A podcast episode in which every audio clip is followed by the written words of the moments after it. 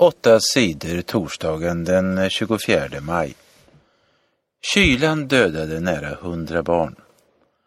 Nära hundra små barn i landet Peru har dött i lunginflammation i år. Det säger cheferna för landets hälsodepartement. Det är det kalla vädret som har gjort barnen sjuka. Det har varit riktigt kallt i bergen Anderna i år. Det har länge varit omkring 10 grader kallt. Men året innan var det ännu värre. Då dog fler än 300 barn av kylan. 8 sidor TT. 28 döda i strider i Jemen.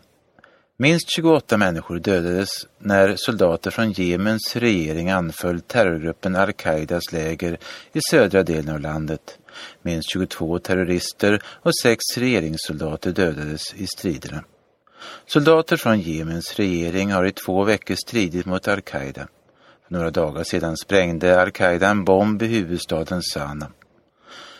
Hundra soldater dödades och omkring 300 skadades. Los Angeles förbjuder plastpåsar.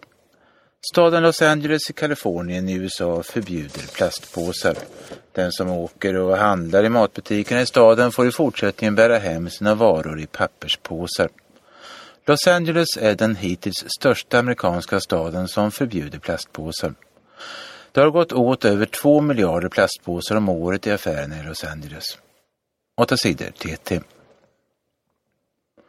Folk i Egypten kastade sten på röstande politiker. På onsdagsmorgonen öppnade vallokalerna i Egypten.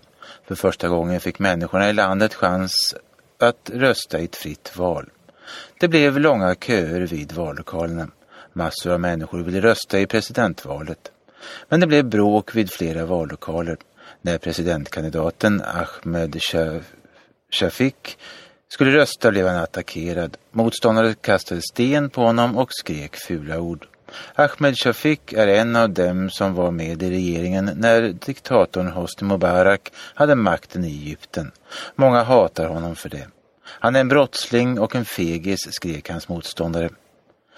Vid en annan vallokal blev det bråk mellan olika politiska grupper. En polisman sköts till döds. Röstningen i Egypten fortsätter idag torsdag.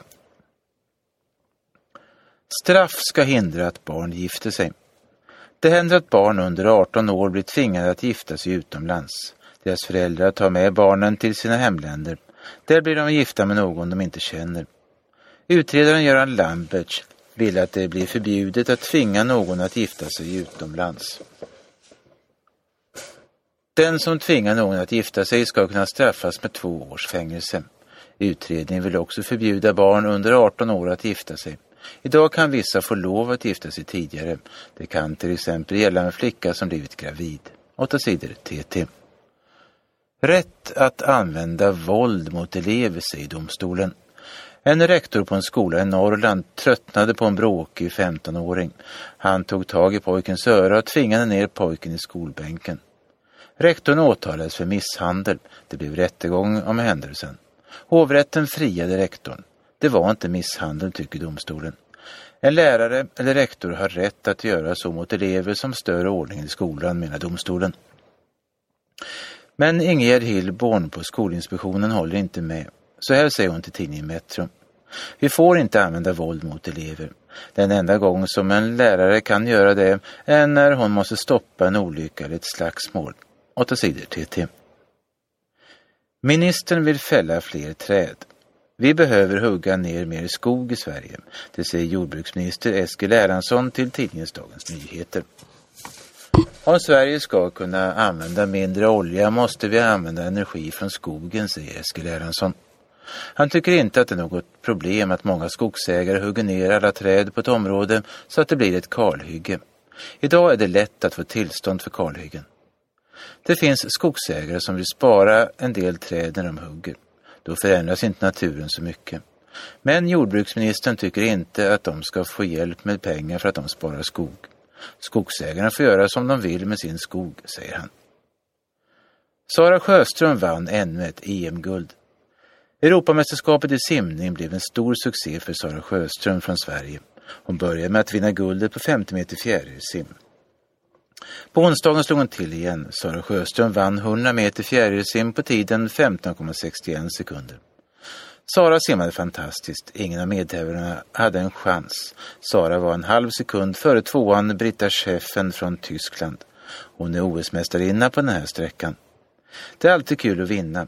Särskilt kul är det att vinna mot någon som tagit OS-guld, sade Sara efter sitt lopp. Sara Sjöström ska nu åka hem och träna inför OS. Det blir otroligt spännande att se den här tjejen tävla i OS. Att hon kommer att kämpa om OS-medaljerna känns självklart.